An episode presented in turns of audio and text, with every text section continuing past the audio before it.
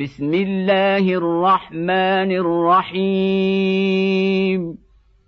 لإيلاف قريش. إيلافهم رحلة الشتاء والصيف. فليعبدوا رب هذا البيت. الذي